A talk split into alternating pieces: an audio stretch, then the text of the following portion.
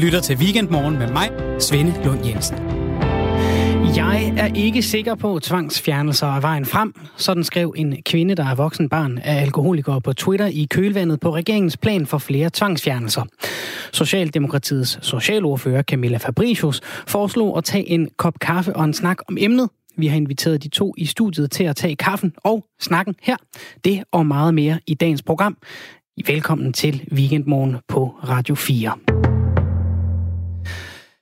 I Bruxelles har Danmark og flere interesseorganisationer gang i en kamp mod tiden, for da Ursula von der Leyen blev valgt til formand for EU-kommissionen, så var en af de ting, hun ville gøre inden for sine første 100 dage på posten, at fremsætte et lovforslag om en fælles EU-mindsteløn.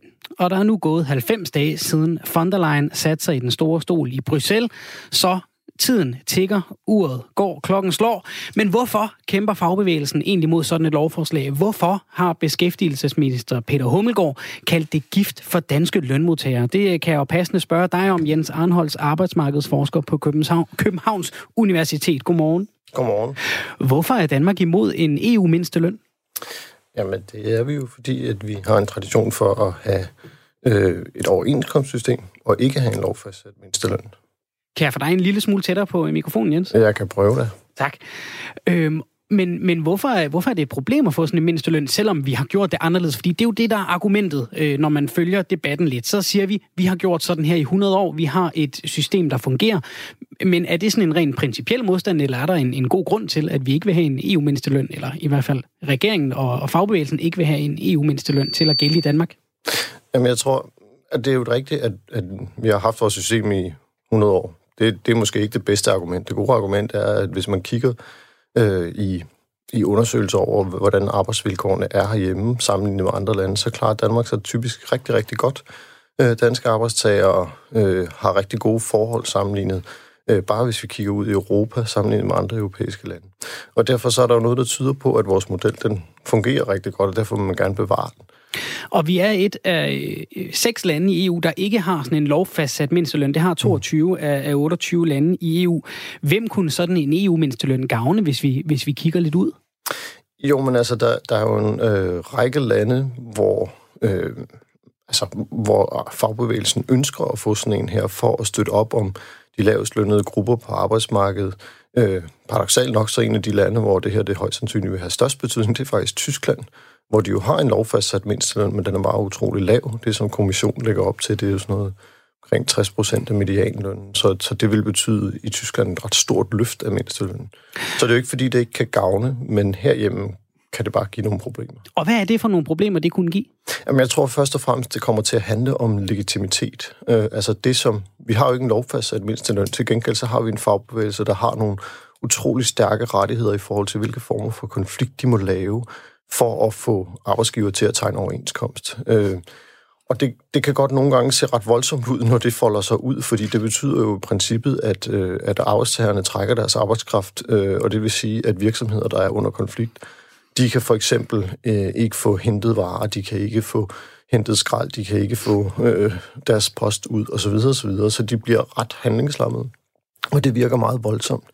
Øh, og, og det, der kan være problemet, det er, hvis vi bare tænker tilbage på sådan nogle sager som Vejlegård, Nørrebro, Bryghus-konflikterne, så er der en masse mennesker, som har meget svært ved at forstå, hvorfor skal den her fagbevægelse også komme og blande sig i det her, og er det ikke også lidt voldsomt, det der foregår osv.? Kan det ikke bare være noget med, at de siger, at vi vil gerne have en overenskomst, så kan virksomheden sige nej og sådan noget? Prøv så at forestille dig, hvis der var en lovfastsat mindsteløn, og virksomheden kunne sige, jamen vi, ligger jo, vi lever jo allerede op til de krav, som staten stiller. Hvorfor er det ikke godt nok? Hvorfor skal vi have sådan en eller anden øh, fagbevægelse, der kommer og blander os i, hvordan vi gør med vores arbejdstager, som i øvrigt ikke er organiseret, osv. osv. Så det handler i høj grad om, at de øh, man kan sige, redskaber, fagbevægelsen har nu, de vil komme til at virke utrolig illegitime, hvis man først har en lovfastsat mindsteløn. Så en rettighed, altså sådan en EU-mindsteløn, kunne komme til at presse øh, arbejdere på øh, mange andre rettigheder, som vi i Danmark tager for givet nu, som vi har øh, systemet i Danmark? Ja, lige præcis. Så vil man i højere grad komme til at basere sig på sådan et lovbaseret system.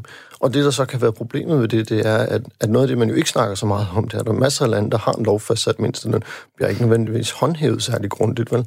For så er det pludselig myndighedsopgave at komme ud, og så handler det et spørgsmål om, hvor mange ressourcer giver man øh, til det, hvor dygtig er det til det, osv. osv. Så der er jo masser af steder i, i Europa, hvor man simpelthen har øh, altså estimater for, hvor mange får ikke mindstelønnen, selvom vi har en lovfastsat mindsteløn og så videre, Så videre er det sort arbejde i stedet for. På den måde, så, så er det jo ikke fordi, at det her nødvendigvis vil sikre øh, en masse arbejdstager bedre vilkår, men det vil måske sikre dem, øh, altså de har en rettighed til det, men de får det ikke nødvendigvis.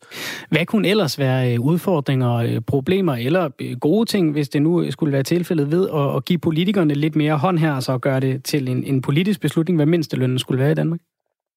Jo, men det er klart, at, at som udgangspunkt kan det jo virke rigtig attraktivt, fordi så har vi ligesom... Så, I dag er der jo folk, som ikke er dækket af en overenskomst, så det vil sige, at de har i princippet ikke noget, altså, noget retskrav ud over, hvad de kan blive enige med deres arbejdsgiver om. Og det betyder, at vi kan jo godt have nogle lav, lavlønsgrupper på vores arbejdsmarked, som så pludselig vil få en rettighed. Og det kan også godt være, at en del af deres arbejdsgiver så vil sige, okay, vi må hellere overholde øh, den her mindste sats i, i lovgivningen, øh, selvom vi ikke har en overenskomst. Så, så selvfølgelig er der, øh, er der det gode, men det, der kan være, være problemet, det er, at det kan føre til sådan en langsom erosion, kan man sige, af den danske model, og af, altså af fagbevægelsens evne til og legitimiteten bag fagbevægelsens arbejde for at sikre, at rigtig mange arbejdstager er dækket af en overenskomst. Øh, hvis vi nu kigger på, på, på ud i Europa og siger, jamen så kommer der, hvis, hvis det bliver vedtaget, og Danmark er, er omfattet af det, så kommer der en EU-ministerløn. Vil det så gøre Danmark til et mere attraktivt land at tage hen og arbejde for, for andre europæere? Nej, det har jeg meget svært ved at forestille mig. Øh, altså, det er jo ikke sådan... Det, det, det er klart, at de grupper i dag, eller blandt dem, som, som øh, får de laveste lønninger i dag, øh, Øh, der, der oplever vi tit, at der er udenlandske arbejdstager iblandt, specielt fra de østeuropæiske lande, og også uden for EU. Men mange af deres øh, virksomheder er jo overenskomstdækket. Så det vil sige, at, at øh, det, der, det, der op, de oplever, det er jo bare, at virksomhederne ikke betaler det, de i princippet skal, eller at de betaler øh, mindst i niveauet, hvilket ligger langt under, hvad danske arbejdstager de får. Så på den måde så er det ikke sådan, at, at hvis man introducerer en mindsteløn, så vil den jo ligge lavere end det overenskomstniveau, der er. Det vil sige, det vil de ikke få særlig meget mere ud af for, for den slags. Og ham, der sidder med fingeren på knappen nede i Bruxelles, det er Nicolas Schmidt. Han er øh, beskæftigelseskommissær øh, og er fra Luxembourg. Og, og det er altså ham, som, øh, som Danmark og fagbevægelsen prøver at overtale til, at Danmark ikke skal ind i sådan en lov her. Altså, at vi kan blive undtaget fra den. Øh, og han har givet flere garantier på, at, at det kommer ikke til at berøre Danmark, øh, og hvis man har en model, der fungerer, så, så skal man ikke omfattes af det her, men, men man ved jo som sagt ikke, hvad der sker, før der kommer en lov på bordet. Hvor, i, hvor, i, hvor, hvor, hvor stor er panikken øh, i, i blandt andet fagbevægelsen nu, Jens? Og men der er rigtig stor opmærksomhed på det, og det kan man i princippet først sådan undre sig lidt over, fordi det er ret klart, at EU egentlig ikke har en kompetence til at, at begynde at fastsætte. Det står ret klart i traktaten, at det skal EU ikke blande sig i. Øh, men ikke desto mindre, så er van der Leyen altså kravlet så højt op i et træ, at alle øh, hjemme på det danske arbejdsmarked, de vurderer, at der kommer noget, også selvom det egentlig juridisk måske kan være lige på kanten. Øh, og det, man er nervøs for, det er, at selv med sådan en form for undtagelse, øh, som, som vi har hørt om før, altså dengang Sverige trådte ind, der fik de jo en klar angivelse af, at Nå, men der kommer ikke til at ske noget med jeres svenske model, men ikke desto mindre, så for 10 år siden, der blev de presset til at, at lave nogle ændringer i EU-systemet. Problemet er, at at du har en EU-domstol, øh, som i sidste ende er dem, der kommer til at afgøre, øh, hvad man må og ikke må, og hvordan reglerne skal forstås. Og den har en tendens til ligesom at sige, at sådan nogle undtagelser, det kan den godt nogle gange finde på at se lidt bort fra og sige, at det, det mente vi vist ikke alligevel. Tusind tak, Jens Arnholds, arbejdsmarkedsforsker ved Københavns Universitet. Velkommen. En af de få stemmer i debatten, der rent faktisk kan øh, se en idé i sådan en EU-ministerløn, det er dig, Martin Åbak. Du er direktør for Danske Speditør. Har jeg dig med nu? Ja, det har du. Godmorgen. Godmorgen. Hvorfor er en EU-ministerløn en god idé set med dine øjne? Jamen, indledningsvis så får jeg lyst til at sige, at øh, du kan sagtens skrive mig på, på listen over øh, fortaler for den øh, danske model. Den har givet os utrolig øh, god stabilitet og fleksibilitet igennem, øh, jeg har hørt arbejdsmarkedsforskeren sige i 100 år, jeg tror helt præcis, for den kom til verden i, i 1899. Så, så den har rigtig meget øh, godt med sig. Øh, nogle gange tænker jeg, at man skal øh, ændre ting for at øh, kunne bevare dem.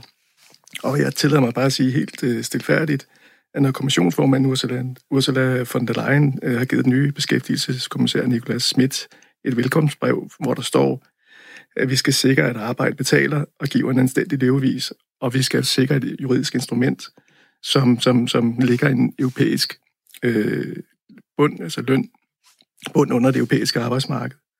Og vi samtidig skal, øh, skal sikre, at kollektive aftaler og lovbestemmelser, de, øh, de kan øh, fungere sideløbende. Så siger jeg bare stille og roligt, at, at jeg synes, det er en god idé, at vi tager den dialog, for vi har massive udfordringer med den grænseoverskridende arbejdskraft, som, som, som, som EU jo også har, øh, som følger det fælles marked, også har, har ført med sig. Og, og, og der må man bare sige, at, at det, arbejdsmarkedet i dag, det ser meget, meget anderledes ud, end det gjorde for, for 100 år siden. Man kan, man kan, kan have sine øh, omkostninger i et EU-land, og så kan man arbejde ganske kortvarigt i, i et andet EU-land. Og der kan man jo godt diskutere, om, om, om de nuværende regler, vi har i dag på arbejdsmarkedet, også helt tager højde for, for, for den udvikling, vi har haft globalt. Og, og spedition, det er jo altså det her med at, at stå for flytning af, af, af gods og varer osv. Er der noget øh, særligt, øh, Martin Obak, direktør i, i Danske Speditør, ved, ved jeres øh, øh, fag og branche, som gør, at, at, at EU-mestlønnen er en god idé for, for jer? Så det, man kan sige, er, at vi har nogle udfordringer med den internationale transport, hvor vi kan se, at der kommer øh, særlige øh, kan du sige, udlandske øh, vognmænd til Danmark, og hvor chaufførerne jo får en helt anden løn, end, end de danske chauffører har. Og der kan man jo godt blive bekymret for, om, om, om den løn og den lavere løn, om den på en eller anden måde truer det, de, de danske chauffører det danske arbejdsmarked. Det, det, er, det er jo mange år siden, at vi i globaliseringens til navn, om man så må sige, har, har outsourcet rigtig mange øh, produktionsvirksomheder. Vi har jo endt os til at gå rundt med, med sko i dag, der er produceret i Østeuropa, eller i Kina eller andre steder. Og når de sko så skal tilbage øh, til Danmark, jamen, så bruger man jo typisk en, en, en, en udlandsk øh, lastbil til at køre dem herop, så vi kan få fodtøj på øh, sko på fødderne. Og, øh, og det sker altså med, med udlandske lastbiler. Og når de så er ganske kortvarigt transporterer gods i Danmark øh, på vej ud og fylder deres lastbiler op, jamen så kan man selvfølgelig godt blive bekymret for, om, om, øh, om det sker på ordentlige vilkår.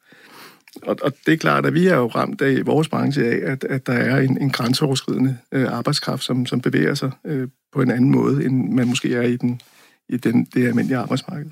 Hvad tror du, Martin Obak, direktør i Danske Speditør, hvad tror du meget, den her modstand drejer sig om? Sådan egentlig, hvis vi skal ind til benet. Altså her i, i onsdag, så så vi jo øh, arbejdsmarkedsparter, øh, både på arbejdsgiver- og arbejdstager side, sammen med det øvrige Christiansborg stort set gå i, i selvsving over, at man har lavet en, en model, som begrænser kapotagekørsel. Og kapotage, det er jo der, hvor at den udlandske lastbil kan tage noget gods med på vej ud af, af Danmark. Og der vil man så kunne køre og samle gods op øh, og, og lave det, man vil kalde en, en noget national distribution i, i forbindelse med, at man fylder bilen op på vejen ud af landet. Og der har man jo blandt andet med henvisning til, at man skulle gøre det bedre for de udlandske chauffører, øh, lavet regler, som, som begrænser øh, kapotagekørslen. Og der, der kunne man jo godt få en, en, en fornemmelse af, at, at den her begrænsning af kapotagen, som jo kun udgør øh, i stedet mellem 2-3-4 procent af, af transporterne i Danmark, at de i virkeligheden mere tjener til beskyttelse af det danske arbejdsmarked, end at sikre ordentlige vilkår for de her udlandske chauffører. Tusind tak, Martin Obak, direktør i Danske Speditør, for at være med her og øh, give os øh, et par ord om, hvordan det er at være øh, i minoriteten i den her debat, der taler for en, en eu løn, men stadig, som jeg også hørte dig sige, taler for den danske model. Tusind Vel, tak. Velbekomme. Vi må træde karakter som samfund. Flere udsatte børn skal have et nyt hjem. Tidligere end i dag. Og vilkår, vilkårene for anbragte børn skal være langt mere stabile. Sådan lød det i statsminister Mette Frederiksens nytårstale. Det var det helt store tema, nemlig det her med øh, børn og børnenes statsminister og øh, tvangsfjernelser. Og det har bestemt også været et stort tema siden. På den måde kan man sige, at det var en øh, god nytårstale rent politisk og strategisk. Den har virkelig sat gang i snakken om tvangsfjernelser. Men der er altså ikke enighed om, om det nu er det rigtige redskab. Godmorgen til dig, Linda Scharning. Du er voksen barn af to alkoholikere Godmorgen. Det skriver du også om på øh, bloggen aarhusginger.dk, og øh, du mener ikke, at tvangsfjernelser er den rigtige vej at gå. I hvert fald ikke sådan, som øh, regeringen lægger op til. Også godmorgen til dig, Camilla Fabricius. Godmorgen. Du er medlem af Folketinget for Socialdemokratiet, og så er du også socialordfører for Socialdemokratiet. Vi vender tilbage til dig. Vi begynder lige over ved dig, Linda. Hvad er din historie som, som voksen barn af to alkoholikere, hvis vi lige går tilbage til din barndom? Øh, jamen, den er jo, at jeg er først vokset op i Aarhus de første 3-4 år, og så flytter vi til en mindre by udenfor. Øh, begge mine forældre, primært min far, da jeg var lille, drak, øh, og min mor fulgte så efter lige så stille. Øh. Og historien er egentlig, at, øh, at, at det var, som det nu er at vokse op i sådan en familie. Øh, dysfunktionelt og, og også sjovt og, og, øh, og fagne og alt muligt andet, men, men det er et liv på bunden af samfundet, og det er et liv, hvor man ligesom skal kæmpe for at komme op og for at være en del af, af samfundet og få sin uddannelse. Kan du fortælle sådan en konkret historie om, om, øh, om din opvækst? Bare lige så kan vi placere, øh, hvad det er for en type opvækst, du har haft. I hvert fald i, i et ris, fordi det, en opvækst er jo mange ting. Ja, ja det er en meget nuanceret ting. Men, øh, men ja, det kan jeg godt. Øh, jeg tror, jeg er en fem, fem år cirka, øh, og vågner øh, en gang i løbet af natten. Det har jeg ikke nogen tidsfornemmelse af. Men vågner i hvert fald midt om natten ved, at min søster på et par år, øh, en, to år, ligger og græder inde i sin seng og, øh, og går ind til hende og kan ikke forstå det. Øh, jeg vågner simpelthen af den der gråd og går rundt for at lede efter mine forældre. Og der er ikke nogen. Jeg er alene med min søster på et år.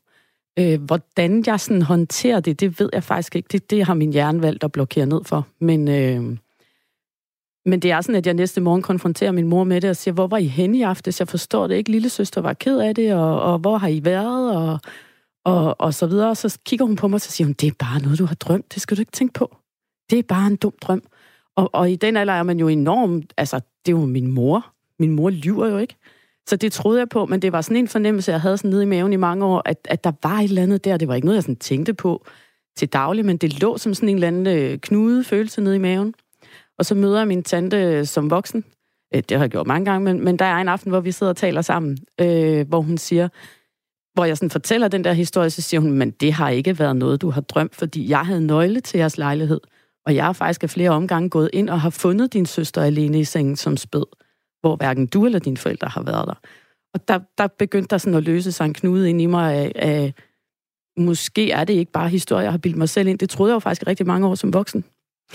Så du har haft et eller andet, hvad kan man sige, et ubehandlet traume i hvert fald. Altså, du har haft et eller andet liggende, som du ikke har fået taget hul på, før du kommer ret langt ind i dit voksenliv i virkeligheden, i forhold til din barndom. Ja, det er jo sådan, når man er voksen barn, så, og børn tilpasser sig jo rigtig meget, og, og tænker, altså det der med at være voksen, eller det der med at være barn af alkoholiker, er jo først slemt, når man bliver voksen når man ligesom mærker efter nede i maven, og på et tidspunkt er, er kroppen og hjernen klar til at tage hul på det her, og det har det gjort sent for mig, det viser sig jo forskningsmæssigt, at man er 30-35, før man gør det her. Og der er 122.000 børn fra 0 til 18, der vokser op i familier med, med alkoholmisbrug, og 632.000 danskere lever lige nu i, eller er vokset op i en, i en øh, familie med alkoholmisbrug, så det er et ret stort tal. Og, og, og det er også der, vi skal kigge hen, hvis, hvis vi skal prøve at sætte nogle ord på, hvorfor du har valgt at, at dele din oplevelse af at være voksen barn af alkoholiker. Hvad er det, du gerne vil opnå, Amanda Scharning, med det? Jamen, jeg vil rigtig gerne bryde tabuet. Øh, nu har jeg lavet det her i en 3-4 år, tror jeg, sådan i, i det små på Twitter i starten, og så har det sådan udviklet sig ret meget efterhånden, må man sige. Øh, og det, jeg gerne vil, det er, at, at det er okay at tale om. At jeg var barn af to alkoholikere. Jeg har oplevet at flere, af rigtig mange omgange efterhånden, at folk har været sådan lidt, først har de kigget, eller sådan lige læst det en ekstra gang, og så har de skrevet, Gud, Gud, kan man sige det? Mm. Er det okay? Og det har været en lettelse for rigtig mange at kunne sige højt, fordi det er noget, man skammer sig over. Og jeg er sådan lidt, altså jeg har ikke noget skam over, jeg drak ikke. Jeg var bare et barn. Øhm, og det tabu vil jeg rigtig, rigtig gerne bryde, og det tror jeg er en stor del af, at vi har de tvangsfjernelser, vi har her i landet. Øhm, at det, at det bunder jo rigtig meget i misbrug. Nu har jeg selv lige inde og læst statistikker i går, og rigtig mange af vores tvangsfjernelser, og også de frivillige anbringelser, handler om misbrug i familien. Og hvis ikke vi tør at tale om det som samfund, vi har den sygeste alkoholkultur. Altså, det, vi må jo ikke pege på, på, øh, på en eller andens øh, far nede i skolen og sige, eller pege eller gå hen til ham eller til hende og sige, prøv at høre, jeg kan se, du har det øh, skidt. Mm. Er der noget her, vi sådan, kan jeg gøre noget? Sige det til en skolelærer. Jeg har, altså, jeg har uddannet folkeskolelærer. Jeg har jo mødt øh, lærere, som næsten ikke tør at røre ved det her emne, fordi hvad gør man? Hvad siger man? Øh, vi må ikke tale sætte det, og det synes jeg er en kæmpe, kæmpe fejl. Lad os nu bare tale åben om det. Vi har problemer her i, i Danmark om, om, med vores alkoholkultur. Og nu taler vi så i hvert fald åbent om, om tvangsfjernelser, og det mener du ikke er det rigtige redskab. Det kan det være i nogle tilfælde, men, men det er symptombehandling, mener du. Hvorfor det? Altså, jeg, jeg lader mig lige slå fast, ja. at i nogle tilfælde synes jeg absolut, at tvangsfjernelse kan være vejen frem. Ja. Øh, det skal der slet ikke herske nogen tvivl om.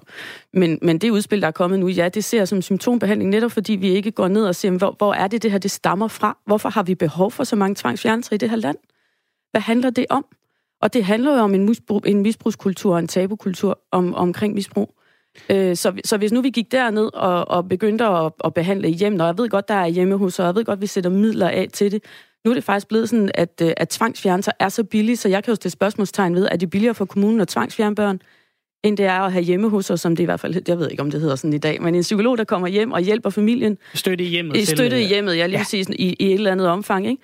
Kunne vi starte der? Kunne vi starte med, at det i skolerne var okay at have den der samtale med forældrene? Jeg kan se, at dit barn lider, fordi du har et problem. Og Camilla Fabricius, socialordfører i øh, Socialdemokratiet, er I bange for at tage fat om, om rådet på problemet og, og, og lægge noget arbejde og noget energi og nogle ressourcer og nogle penge der, hvor det rigtig gør ondt både at tale om, øh, om kulturen i Danmark, og, og, og, eller, eller er, det, er det bare øh, symbolpolitik, som, som det jo også er blevet anklaget for, det her forslag? Altså, nu er jeg jo snart øh, 50, og jeg kan simpelthen ikke huske øh, nogensinde, at et område som socialområdet, øh, velfærd, et stærkt velfærdsområde som socialområdet har været på alle danskers læber. Det, er, at vi overhovedet er her om morgenen en søndag i en god sendetid, og tale om, om udsatte børn, tale om tabuer, der synes jeg faktisk, at statsministeren har sat fingeren ned øh, på der, hvor vi har det svært. Øh, så jeg, jeg synes, at vi på ingen måde er bange for at tale om det, men det er svært, og det er vanskeligt, og der er ufattelig mange nuancer, og... øhm, og vi kan jo bare se, at det, vi gør nu, det er i hvert fald ikke rigtigt. Det er ikke rigtigt at lade, lade Lindas øh, lillesøster ligge helt alene som spædbarn i en, øh, i en øh, trammeseng, mens øh, forældrene er ude. Det er ikke okay, at børn vokser op og er i tvivl om, om det, de har oplevet, er okay. Altså, at man skal opleve traumer. Jeg, jeg, jeg synes faktisk, at det er meget væsentligt, det, det du siger, Linda, i forhold til at, at gribe fat i årsagsvirkningerne også. Øh, men for mig, der står det ikke... Øh, så, der, er det, der er det sådan ligesom et tandhjul, der hænger sammen, at vi er nødt til at gøre det hele. Og jeg synes faktisk, det her med at diskutere økonomi er meget, meget væsentligt. Mm. Fordi både socialministeren og statsministeren har sagt, at det her, det kan ikke... Altså, vi er nødt til at se på børnene, vi er nødt til at se på familierne. Altså, når kommunerne... Altså, der er bare noget rigtig væsentligt her i forhold til den indsats, der skal laves. Men mangler der så ikke noget af den væsentlighed, nogle af de nuancer i, i det, I har lagt på bordet indtil videre? Og nu har vi Linde her i dag, som siger, at der, der mangler altså at blive taget hånd om problemet og blive talt om, hvad det virkelig gælder om. Øh, hende, vi kender som øh, tønderpigen, Sandra Bertelsen, har skrevet et brev til øh, statsminister Mette Frederiksen, der begynder med, med ordene. Kære statsminister, hvis du ser det her, så vil jeg fortælle, at en tvangsfjernelse ikke hjælper på noget som helst, hvis ikke du arbejder med årsagen. Øh, er det fordi, I mangler øh, tid og idéer og bare skal udvikle det her i løbet af året? Øh, eller, eller, eller hvad? Fordi der, mangler, der mangler jo nogle, nogle, nogle ting i, i det her lovforslag, der er i hvert fald nogen, der mener. Eller øh, i, de, i de her idéer, som I har lagt på bordet indtil videre. Mi, altså det, jeg synes øh, er er et rigtig stærkt fundament at stå på, det er, at, øh, at vi faktisk har brugt ka- politisk kapital og et arbejdsredskab som øh, nytårstalen til at komme i dialog med alle danskere. Både dem, der har været udsat, og dem, der, der selv har fået anbragt børn. Øh, dem, som arbejder med det, dem, der synes, at de ikke har redskaber nok, plejefamilierne, som ikke synes, der er økonomi nok, dem, der ikke synes, der er familier, plejefamilier nok, og dem, ligesom dig, Linda, der, der mener, at der skulle have været gjort noget før. Hvis ikke vi havde gjort det, hvis statsminister ikke havde gjort det, så havde vi ikke stået og diskuteret, hvad det er for, hvad er det for et grundlag, børn skal vokse op på. Og, øh, og jeg synes faktisk, at det er rigtig klogt og stærkt, at vi øh, nu nuancerer tingene, og vi får, får så mange input som overhovedet muligt. For vi kan simpelthen ikke vi kan simpelthen ikke lave en ordentlig hverdag og en ordentlig politik for børnene, hvis ikke vi gør det. Hvad tænker du om det, du hører, Elena?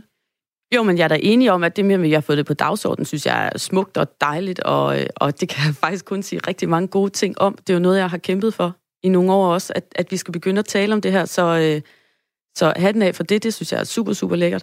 Jeg er stadigvæk bange for, at der er nogle, bar, nogle børn, der bliver fanget i det her. Øh, det, det kan tage op til to år for en tvangsfjernelse igennem, hvis ikke vi sådan taler om et decideret øh, overgreb, øh, at tvangsfjernelsen egentlig bare, kan man sige, handler om øh, mistrivsel. Øh, det kan tage to år, og hvad så i de to år? Der er meget usikkerhed. Så kan man, blive, øh, så kan man komme i plejefamilie, og det kan man gøre et, to eller tre år. Og så er vi igen derude, hvor så skal det hele tages op, og, og barnet skal igennem trummerummet igen. Det tror jeg ikke er sundt for noget barn. Men så, det... så, så vil jeg næsten hellere, at barnet sådan kan være derhjemme ja. og, og være under en støtte og have en stabilitet i sit liv. Fordi det kan sim, jeg har sim, altså, nu er jeg jo selv vokset op i uh, den vildeste ustabilitet i den her verden, og jeg forestiller mig, og jeg ved jo ikke noget om det, for jeg blev ikke tvangsfjernet. Der var faktisk ikke nogen, der gjorde noget. Øhm, men jeg kan bare forestille mig, at det cirkus der med hele tiden ikke at vide, hvor skal jeg være om et år, om to år, om tre år. På et tidspunkt bliver man gammel nok til at have en, øh, en bevidsthed om, hvad det er, der foregår. Og specielt fordi man jo så på, altså der kommer også nogle voksne og peger og siger, at det liv, du lever, er forkert, og det er det, og det skal vi pege på. Jeg er fuldstændig enig. Jeg er bare ikke helt sikker på, at jeg er enig om metoden. Og Camilla Friis, hold den tanke. Klokken er halv ni. Vi skal lige have nogle nyheder, så vender vi tilbage. Muligheden for en fast forbindelse over Kattegat, der skal forbinde Østjylland og Sjælland, det har været til debat i flere år. Og en Kattegatbro er stadig på bordet.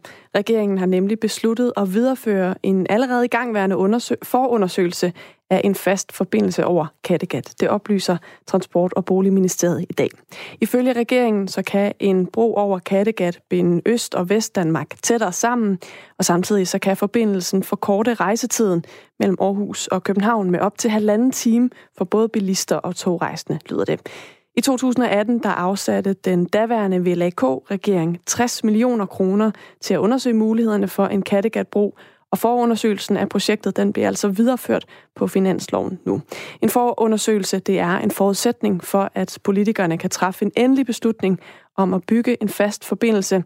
Den skal blandt andet belyse de klima- og miljømæssige aspekter, der er ved en Kattegat-bro. Transportminister Benny Engelbrecht understreger, at en mulig bro skal være både for biler og tog. Da VLAK-regeringen præsenterede ideen om en Kattegat-bro i sin tid, der blev den modtaget overvejende positivt på Christiansborg. Den interne vagthund i Forsvarsministeriet skal have bedre vilkår, og derfor så har Forsvarsminister Trine Bremsen besluttet, at Forsvarsministeriets interne revision den skal styrkes, det skriver politikken. Beslutningen kommer efter flere år, hvor ministerier ellers har svækket og i nogle tilfælde helt droppet deres vagthunde. Trine Bremsen siger, at styrkelsen sker som en konsekvens af den sag om formodet svindel i Forsvarsministeriets ejendomsstyrelse, hvor to medarbejdere i styrelsen blev politianmeldt for mulig millionsvindel undskyld, i forbindelse med indkøb. I 2016 og 2017 der blev forsvarets interne revision reduceret fra 13 ansatte til 8, og revisionen havde af flere omgange mellem 2013 og 18 advaret klart mod svag kontrol og manglende funktionsadskillelse i ministeriet. Det betyder altså, at en person kunne stå for alle led i en indkøbsproces. Kinas ambassade i Stockholm har adskillige gange de seneste to år kontaktet de svenske medier for at kritisere deres dækning af Kina. Det viser en kortdækning, som SVT Nyheder har lavet. Og det får konsekvenser for den kinesiske ambassadør Gui Kongyu. Han har fået besked om at møde op i Udenrigsministeriet i Stockholm på tirsdag og modtage en reprimande. Udenrigsminister Ann Linde siger, at Sverige som suveræn stat ikke kan acceptere nogen form for trusler. Hun reagerer på, at ambassadøren har sagt i et interview til svensk tv, at svenske medier minder om en letvægtsbokser på 48 kilo, som fremprovokerer en boksekamp mod en sværvægtsbokser på 86 kilo. Svenska Dagbladet, Expressen, Sveriges Radio og SVT fortæller i et spørgeskema, at Kinas ambassade i adskillige tilfælde de seneste år har sendt e-mails og breve med kritiske synspunkter. Kritikken har blandt andet handlet om, hvordan medierne fortæller om situationen i Kina.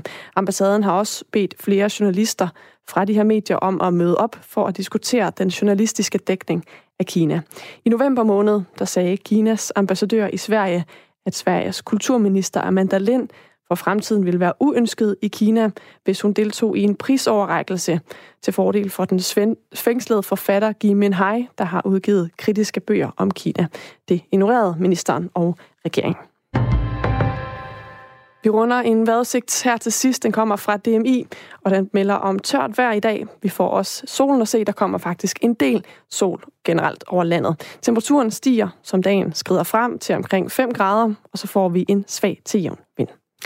Vi fortsætter med øh, Weekendmorgen her på øh, Radio 4. Det gør vi altså frem til øh, klokken 10. Lige nu har jeg Linda Scharning i øh, studiet og Camilla Fabricio, socialordfører for Socialdemokratiet.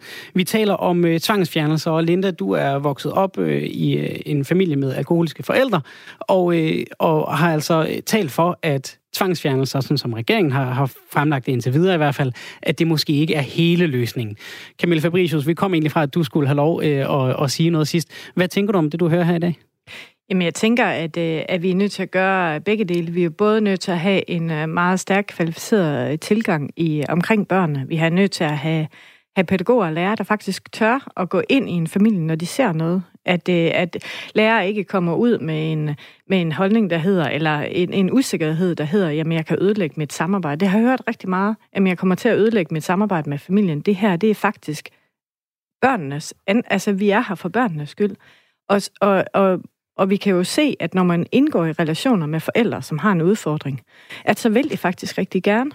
Øh, men, men fra regeringens side, der må man bare sige, at, at den, den virkelighed, som børn lever i i dag, der er vi simpelthen nødt til at gøre noget. Og det her afsat, det, det er så nuanceret på både at få en stærk faglighed omkring, øh, når man vokser op, mens man stadig vil være i familien, omkring når man bliver anbragt, og det samarbejde, der er, så er med forældrene. Og så er vi også nødt til at se på, er der, er der en gruppe af børn, som også skal helt bortadopteres, fordi de vilkår, øh, de lever under, er så, øh, er så kaotiske, at, øh, at det ikke giver mening overhovedet at forsøge. Og det vi kan se er jo også, at som du også siger, Linda, det her med, at man bliver anbragt for sent, og, øh, og forløbet til, at man bliver anbragt, øh, det er kaotisk, og der er øh, meget, meget stor usikkerhed, der er mange skift. Så, øh, så jeg synes, at det er en stærk fortælling, og det, jeg tager det med mig, at vi det skal det, have det, jeg skulle ja. til at spørge om, rykker det noget, når, når I hører de historier fra, fra folk, som har levet det liv, øh, som, som, som det handler om, som siger, det her, det er altså ikke, det, det, det, det er måske en lille del af det, men der er mange større ting i spil. Man kan simpelthen ikke øh, lave Danmark til et bedre sted uden at lytte. Det giver ikke mening. Så selvfølgelig rykker det noget at have den her samtale, og det, det viser jo også bare, at vi er nødt til at tage de her drøftelser. Vi er nødt til at få nuanceret og åbnet op og sige, hvad er det så, der skal til? Og det her med vores alkoholkultur, det vil jeg i hvert fald meget gerne tage med tilbage. Jeg vil øh, lade jer to fortsætte øh, snakken øh, videre. Det kan være, at I kan, øh, I kan gøre det herude med øh, jeres øh, halve kop kaffe, som I stadig har tilbage. Tusind tak for, at I kom i studiet for at øh, tage debatten om øh, tvangsfjernelser, og tak, Linda, for at komme og fortælle øh, din historie. Tak, Camilla, for at øh, stille op her i øh, dag i Weekendmorgen på Radio 4. Lidt senere på morgenen skal vi tale om øh, 2. verdenskrig og de spor, det kan sætte i en familie. Det er på baggrund af en dokumentarfilm. Hvis du har din egen familiehistorie omkring 2. verdenskrig, KZ-lejre, så kan du altså dele den med os på 1424 R4 mellemrum. Altså, du starter beskeden med R4 mellemrum, og så det, du har lyst til at dele med os, send det ind til 1424. Altså, din egen historie med øh, 2. verdenskrig, hvilke spor det har sat i din familie. Vi taler med en øh, instruktør af en øh, dokumentarfilm lidt senere på morgenen. Nu skal det handle om en sygdom. Flere tusind patienter bliver mødt med uvidenhed, forkert behandling og stigma i sundhedsvæsenet. Det siger Patientforeningen for ME. Det er det, der hedder myalgisk encefalopati. Encel, en cefalopati. Ej, jeg havde øvet mig så meget, inden vi gik i luften. Det er det, der øh, tidligere er øh, kaldet kronisk træthedssyndrom. En sygdom, der vurderes til at være lige så udbredt som sklerose, men som vi ikke ved særlig meget om endnu. Der er ikke engang enighed om, hvilken type sygdom det er. Nogle mener, at det er psykiske belastninger, der sætter sig fysisk. Andre mener, at det er en fysisk sygdom. Vi ved bare ikke, hvordan vi skal opdage øh, symptomerne. Og øh, andre igen mener, at øh, sandheden ligger et sted midt imellem. Det, der er faktum er, at ME har indgribende konsekvenser for patienterne, der føler sig magtesløse i det danske sundhedssystem. Jeg har rigtig smerter i min krop. Øhm, det mest i min ryg, skulder og nakke. Så har jeg en forfærdelig hovedpine hver dag, og hele min krop er konstant øm og helt udmattet, som, som når man har en slem influenza. Fløjer med svimmelhed og dårlig koncentration og dårlig hukommelse og øh, maveproblemer og mavesmerter. Sådan fortæller ME-patient Emma Holm. I tirsdags var sundheds- og ældreminister Magnus Heunicke i et længe ventet samråd om sygdommen, der stadig ikke findes en behandling på øh, og til. Og det er til trods for, at et enstemmigt folketing sidste år anerkendte ME som fysisk sygdom og lovede at sikre danske ME-patienter et specialiseret sundhedstilbud. Beslutningen møder kritik fra flere fagfolk, der mener, at politikerne stemmer med følelserne, og at der mangler viden på området. En af patienterne er Emma Holm, som du hørte før. Hun er 22 år og øh, har haft symptomer på ME i 10 år, men har først fået stillet diagnosen i det private for et halvt år siden. Sådan her har hun fortalt til min kollega Maja Hall. Jeg har haft symptomer næsten de sidste 10 år. Øhm, og lige siden de startede, har jeg været under udredning i det offentlige, øhm, rundt i flere forskellige afdelinger, hvor de ikke nogen af stederne har altså hverken kunne finde ud af, hvad det var, jeg fejlede, eller kunne hjælpe mig med at få det bedre. Så det var først for et halvt år siden, jeg fik diagnosen ME. Hvordan har du det i dag? Jeg har rigtig smerter i min krop. Øhm, det mest i min ryg, skulder og nakke. Så har jeg en forfærdelig hovedpine hver dag, og hele min krop er konstant øm og helt udmattet, som, som når man har en slem influenza. døjer med svimmelhed og dårlig koncentration og dårlig hukommelse og øh, maveproblemer og mavesmerter. Så hvordan ser en dag som i dag ud for dig? Øhm, altså, den er meget begrænset. Øhm, det, altså, det er meget begrænset, hvad aktivitet jeg kan lave. Øh, min dag går med at sørge for, at jeg får noget ordentligt at spise, og så hviler jeg det meste af dagen og sørger for, at jeg ikke overanstrenger mig, så mine symptomer bliver værre. Så hvad skal du for eksempel lave i dag? Mm, I dag, jeg har ikke rigtig, der er ikke nogen planer til, jeg skal være herhjemme. Når vi nu har talt sammen øh, her på telefon, hvordan har du det så? Er det noget, der udmatter dig? Ja, det er helt bestemt. Øhm, altså, mange af mine symptomer bliver forværret. For min hovedpine bliver meget værre. Jeg bliver voldsomt udmattet og har brug for hvile efter ja, selv korte samtaler, men ting, der kræver min koncentration, eller at jeg laver noget ja, mere, end jeg kan holde til.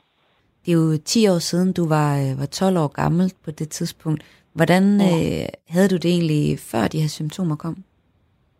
Øh, før de her symptomer kom, havde jeg det rigtig godt. Øh, jeg dyrkede rigtig meget sport.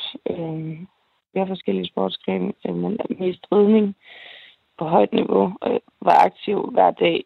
Øh, og så så vi det jo, altså både mig og min familie så jo, hvordan jeg markant begyndte, altså hvordan den markante sådan en forskel fra, at jeg var aktiv hele tiden, til at jeg knap nok kunne holde til at løbe en tur mere. Øh, og at jeg fik så ondt i hele min krop af al den træning, jeg lavede, selvom jeg i forvejen var i god form. Og var det noget, der kom sådan snigende hen over en, en årrække, eller hvor hurtigt kom det egentlig? Det kom snigende. Det, det startede jo for 10 år siden, men der var det slet ikke så slemt, som det er nu. Og så i løbet af de 10 år, at det blev Altså, der er det kun gået ned ad bakke. Jeg føler lidt, at, at jeg bare er blevet kastet rundt, uden at der er nogen, der egentlig har taget ansvar for. Hvor jeg øh, startede med at gå til egen læge for at få noget hjælp, øh, som så sendte mig rundt til, og så har jeg jo været ved, altså jeg kan næsten ikke huske, hvor mange forskellige afdelinger, hvor de har øh, udredt mig for en masse forskellige ting, men aldrig har kunne finde en øh, grund til alle mine symptomer. Øhm, og og der, derfor har jeg jo heller ikke kunne få noget behandling eller noget hjælp. Øhm, og så har jeg op, også oplevet øhm, tre forskellige praktiserende læger, som, hvor hverken nogen af dem havde hørt om ME nogensinde før.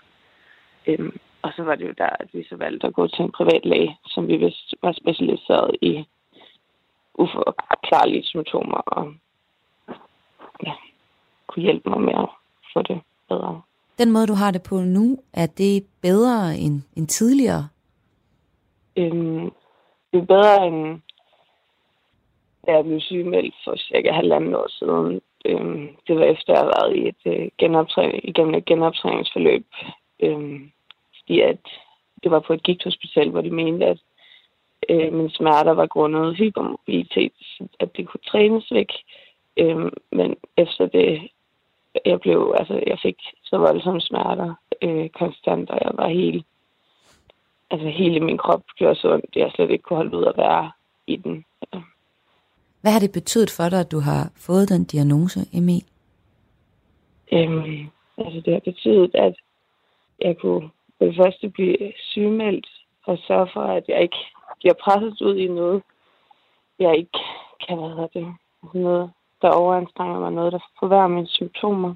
Altså det er, jeg får nogle forskellige kosttilskud og noget medicin ved Jesper Melsen. Øhm, og så sørger jeg for at hvile og ikke overanstrenge mig. Sådan sagde Emma Holm altså til min kollega Maja Hall Emma, som er 22 år og har haft symptomer på ME i 10 øh, år. Det er målet, der skal komme et mere specialiseret tilbud til ME-patienter, det fortalte sundheds- og ældreminister Magnus Heunicke på et samråd tirsdag. Men det går langsomt, fordi der mangler viden på området. Så må jeg også erkende, at der stadig er øh, steder, hvor der endnu ikke er gennemført de nødvendige skridt i forhold til det, Folketinget blev enige om med vedtagelsen.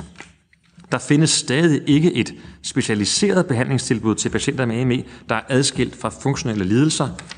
Og en af mulighederne er, øh, som jeg derfor godt vil drøfte øh, med Folketingets partier, er oprettelsen af specialiseret behandling, der er målrettet nogle af de allersygeste patienter, så vi fremover sikrer, og det gælder både børn og voksne, så vi fremover sikrer, at vi har et tilbud til de patienter, der i dag, jo må vi være sige, ligger derhjemme, uden mulighed for at få tilstrækkelig hjælp. En af dem, der øh, bare ligger derhjemme, det er Marie-Louise Ilsø Gustafsen, som politikken sidste år kunne fortælle lå i et mørkt rum 24 timer i døgnet og er fuldstændig afhængig af pleje fra forældrene. Og det er historier som hendes, der øh, sidste år fik et enstemmigt folketing til at anerkende ME som en selvstændig fysisk sygdom, og øh, fik Folketinget til at love at sikre danske ME-patienter et specialiseret sundhedstilbud, det som Magnus Heunicke, sundhedsminister, også taler om her. Og historier som hendes, det fik Sundheds- og ældreudvalget til tirsdag at holde samråd med ministeren for at få sat handling bag øh, ordene. Udvalget har blandt andet modtaget et åbent brev fra mere end 80 udenlandske læger og forskere og syv danske fagpersoner. Her blandt dig, biolog og lektor på Medicinsk Fakultet i Aarhus, på, ved Aarhus Universitet. Rikke Olsen, godmorgen og velkommen til. Tak skal du have. Kan jeg få dig en lille smule tættere på mikrofonen? Ja. Sådan. Tusind tak. I brevet der skriver I, at I støtter en ændring i tilgangen til øh, kronisk træthed. Hvorfor? Jamen det er øh, fordi, at det her kronisk træthed, det er øh, så svært at håndtere. Øh, man kan sige, at kronisk træthed, det er noget, som vi ser øh, i forbindelse med stort set alle kroniske lidelser, så cancerpatienter er trætte, patienter med hjertesvigt er trætte, patienter med depression er trætte, og vi ved ikke ret meget om, hvad der egentlig driver den her træthed, og hvad det betyder for sygdommene. Og så har vi den her gruppe af patienter, som har kronisk træthedssyndrom, og øh, de er karakteriseret ved en, en, en enormt invaliderende træthed, men samtidig også, at den her træthed ikke kan forklares af noget øh, medicinsk, og derfor er der jo en reel risiko for, at vi i denne her gruppe af patienter også har patienter, som reelt set kan lide af noget, vi endnu ikke kender medicinsk eller ikke kan måle. Og der er der altså en gruppe patienter, som vedvarende har hævdet, at øh, den behandling, vi tilbyder dem, som i dag er øh, primært psykosomatisk med den her graduerede genoptræning, at det ikke hjælper dem, og det måske til dels øh, skader dem. Og det er egentlig det, øh, debatten går på, og patienternes udsagn bliver egentlig også mere og mere støttet af videnskabelige studier. Og der har blandt andet været et stort amerikansk studie fra de amerikanske sundhedsmyndigheder, som har øh, ender med at konkludere, at det her det er en alvorlig fysisk lidelse, der skal have en anden tilgang end den psykosomatiske. Og øh, det er egentlig derfor, at øh, vi støtter op om, at vi er nødt til at adskille øh, ME fra kronisk træthedssyndrom og funktionel lidelse. Og jeg kan lige øh, indskyde her, at du er ikke øh, klinisk behandler af ME-patienter. Der findes kun få behandlere i det private, men du har inddraget ME i din forskning og deltager i ME-konferencer. Hvad er problemet ved, ved at kalde ME-patienter for, for patienter med kronisk træthedssyndrom? Men det er egentlig det er det her med, at, øhm, at så længe vi ikke ligesom adskiller de to sygdomme, så har vi en, en, altså i Danmark, eller i alle sundhedssystemer, der følger behandlingen egentlig patienternes diagnose. Så hvis vi ligesom diagnostiserer dem som en og samme ting, så ligger der også i det, at de ligesom skal have samme behandling. Og det vi jo oplever, det er, at der er en gruppe patienter, som ikke har gavn af den behandling, de får. Og hvis vi ikke forstår, at, at der ligesom kan være forskellige mekanismer, der driver denne her træthed, som er fælles for dem, så bliver vi ikke klogere på, hvad det bedste er for patienterne. Og hvis jeg sådan skal drage sådan lidt, øh, lidt øh, sammenligninger med mit eget forskningsfelt inden for de medfødte energisygdomme, der har vi jo også patienter, som øh, faktisk får udløst deres symptomer, eller de bliver forværret, når de dyrker øh, motion. Og øh, her der er vi jo så heldige, at vi faktisk ved, hvad årsagen er til, til at de ikke håndterer det her motion så godt. Øh, I nogle tilfælde der er det, fordi de ikke kan omsætte fedt til energi, og så kan man så dirigere deres behandling hen imod, at de så skal have andre energikilder i form af glukose og kulhydrater, så de bedre kan håndtere øh, deres fysiske aktivitet. Og man kunne meget vel forestille sig, at vi forhåbentlig en dag kan nå frem til, hvad skal vi give de her patienter, så de bedre kan håndtere øh, fysisk aktivitet, for vi ved, det er så vigtigt med fysisk aktivitet. Der er jo ikke øh, nogen øh, sådan reel behandlingsform til ME-patienter endnu. Hvad, hvad, hvad giver det sådan rent politisk at adskille øh, ME fra kronisk træthed? Altså, det er rigtigt nok, at der ikke er øh, nogen øh, veletableret behandling, og, og slet ikke i Danmark, hvor vi stadigvæk ved så lidt om denne her sygdom. Men øh, hvis vi bare kigger til vores naboer, Sverige og Norge, så har de øh, oprettet officielle øh, sundhedsklinikker øh, for ME-patienter, hvor man symptombehandler dem og faktisk er i stand til at stabilisere dem. Og øh, det, det, det, er der ingen, det håber jeg i hvert fald, at det vil, det vil være bedre for dem, end det tilbud, de får i dag. Og samtidig vil det at lave de her centre også hjælpe os til at kunne lave en mere systematisk opsamling af information omkring de her patienter, og samle prøver ind, så vi kan lave noget forskning på de grundlæggende mekanismer i sygdommen, og så sammenholde det med tilsvarende studier på den her lidt bredere gruppe af patienter med kronisk træthedssyndrom. Og der er faktisk et studie i gang allerede, et stort ambitiøst studie, der hedder Danfund-studiet, hvor man studerer biomedicinske mekanismer i den brede gruppe af patienter med kronisk træthedssyndrom. Så det er egentlig i gang. Så hvis vi kunne supplere det med, med en fokuseret indsats på ME-patienterne, så vil vi blive meget, meget klogere. Og det vil også forhåbentlig betyde, at vi en dag kan give en bedre behandling til patienterne, og dermed genskabe patienternes tillid til, til vores sundhedssystem. Og det er jo måske vigtigt at få med, at, at den, måske netop fordi vi ved så lidt om, hvad, hvad, hvad sygdommen øh, skyldes, og hvor de her symptomer kommer fra, så er der lidt nogle forskellige lejre i forhold til, øh, hvilken type sygdom det er, hvad der skal gøres, og, og de linjer er trukket ret skarpt op meget af tiden. Hvorfor er det sådan? Jamen det tror jeg er fordi, øh, jeg tror, ja, det, det har jeg faktisk også spekuleret meget over, hvorfor er det egentlig sådan, men, men jeg tror, det har noget at gøre med, at, øh, at hvis, hvis sygdommene har en stærk psykosomatisk komponent, så betyder det faktisk meget, når sådan en som jeg går ud og, og siger, at, at jeg tror, at der er en stærk fysisk komponent, der driver det, det her sygdom, så er jeg egentlig måske med til at skubbe de her patienter ind i deres sygdom. Omvendt hævder vi jo, at hvis det virkelig er, der er en fysisk årsag til, at de ikke tåler denne her graduerede genoptræning, jamen så øh, er de, den behandling jo med til at skubbe dem ind i sygdommen. Så derfor, den holdning, vi har, har enormt meget betydning for, om vi gør det bedste for patienterne. Og derfor tror jeg, det er så sårbart, det her. Tusind tak, Rikke Olsen, biolog og lektor på Medicinsk Fakultet Aarhus Universitet, for at være med her til morgen og gøre os lidt klogere på ME. Hendes... Øh, som barn tilbragte jeg min sommerferie hos mine bedsteforældre. Vi spiste hendes lækre pandekager, som var tynde som krep, og rullede i sukker og kakao. Men nogle gange gik det også galt. Når jeg var hjemme hos min farmor og farfar, sagde de også, du skal jo vide, at dine andre bedsteforældre er mordere. Hendes fars familie er som jøder flygtet til Danmark fra tyskerne under 2. verdenskrig. Hendes mors familie har kæmpet på nazisternes side. Velkommen til dig, Susanne Kovac. Det er din familie, jeg har beskrevet her. Godmorgen. Hvordan, øh, og det er jo altså det, du har, du har lavet en film om. Hvordan var det at vokse op med bedsteforældre, der, øh, der ikke virkelig, virkelig, virkelig ikke kunne lide hinanden? Altså, må jeg lige indledningsvis sige, de, de flygtede jo ikke fra Tyskland, de flygtede fra Ungarn. Undskyld, selvfølgelig. Men de flygtede, ja, de flygtede fra tyskerne. Ja, de flygtede, de Men flygtede fra, fra nazismen ja. og, og senere fra kommunismen, og det, det er jo selvfølgelig lidt... Det, øhm, ja, det hele hænger sammen. Men øhm, jo, hvordan var det? Det var... Øhm, jeg har, altså jeg tænker, at det var, det var sådan en, en, en, en tålt høflighed. Altså, de var jo... Jeg har ikke, jeg har ikke oplevet sådan en udfald, sådan, når de har været...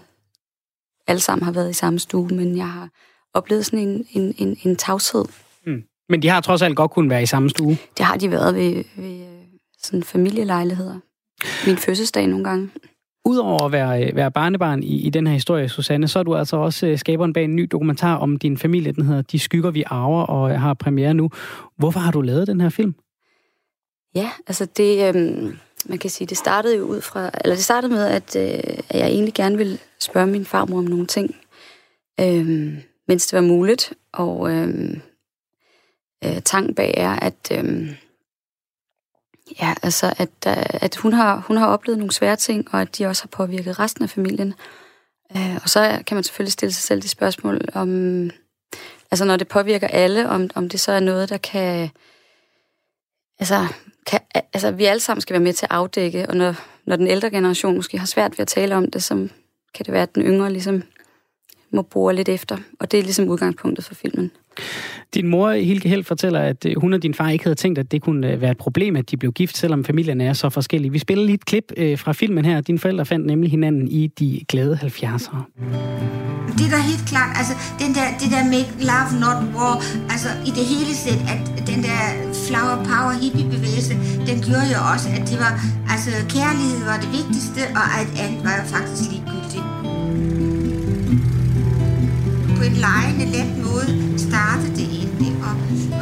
Faktisk også, at familien betød ikke så meget. Det har jeg selvfølgelig undervurderet. Vi troede egentlig, at familien var underordnet. Det vigtigste var, at vi havde det godt med hinanden, og så ville familien bare være sekundært, og familiens historie skulle ikke have indflydelse på vores liv. Hvordan kunne det lade sig gøre, at børn af familier med så meget afsky til hinanden, sådan rent historisk, øh, øh, fik dig og, og, og tænkte, at det nok skulle gå? Mm, ja, altså, jeg tænker, begge mine forældre er jo født efter krigen, eller umiddelbart efter krigen, i 48 og 49. Og øhm, man kan sige, selvom min mor, hun voksede op i, i Nordtyskland, øhm, hun tilhører sådan en generation, der, øhm, altså der, der, der ligesom stillede sig mange af de her spørgsmål om, hvad, hvad bedsteforældre, eller hvad deres forældres generation havde forbrudt sig øh, mod ja, andre mennesker kollektivt. Så, så stadigvæk, så, så var det også en tid, hvor altså, det var jo i hippietiden, og jeg mm. tænker også, at, at det er meget sympatisk, at de ikke tænkte, at det skulle, at det skulle overskygge deres liv.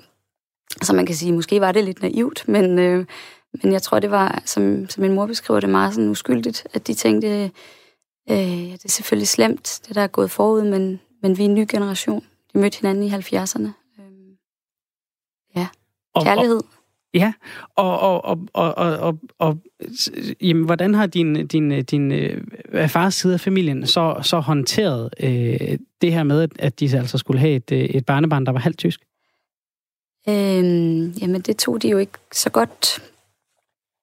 Øhm, de... Øhm, altså, det var alligevel svært for især min farfar, øhm, hvilket man også hører om i filmen. Mm. Ja. Hvordan har det her påvirket øh, dig som voksen? Altså, hvad har, hvad har betydningen været at, at gå tilbage og folde det her ud for dig? Jamen, altså, det har jo, der er jo kommet nogle erkendelser undervejs, kan man sige. Øhm, jeg kan da bestemt anbefale andre at dykke ned i deres familiehistorie, hvis, hvis de ikke allerede gør det. Øhm, altså, jeg tror allermest, at jeg er kommet altså, tættere på mine bedsteforældre, og også på min far på nogle punkter. Det er jo sådan en tre-generations historie. Øhm, var der en risiko for, at det kunne have gået den anden vej? Altså, at, at ved at åbne det her kapitel, at det så var at, at drøse salt ned i et tår, der kunne splitte mere end at samle? Ja, bestemt. Altså, det er jo sådan en, en, en ret eksplosiv cocktail. Altså, det er, der er sådan et holocaust-drama, og der er, der er også andre komponenter i spil, som man ser i filmen.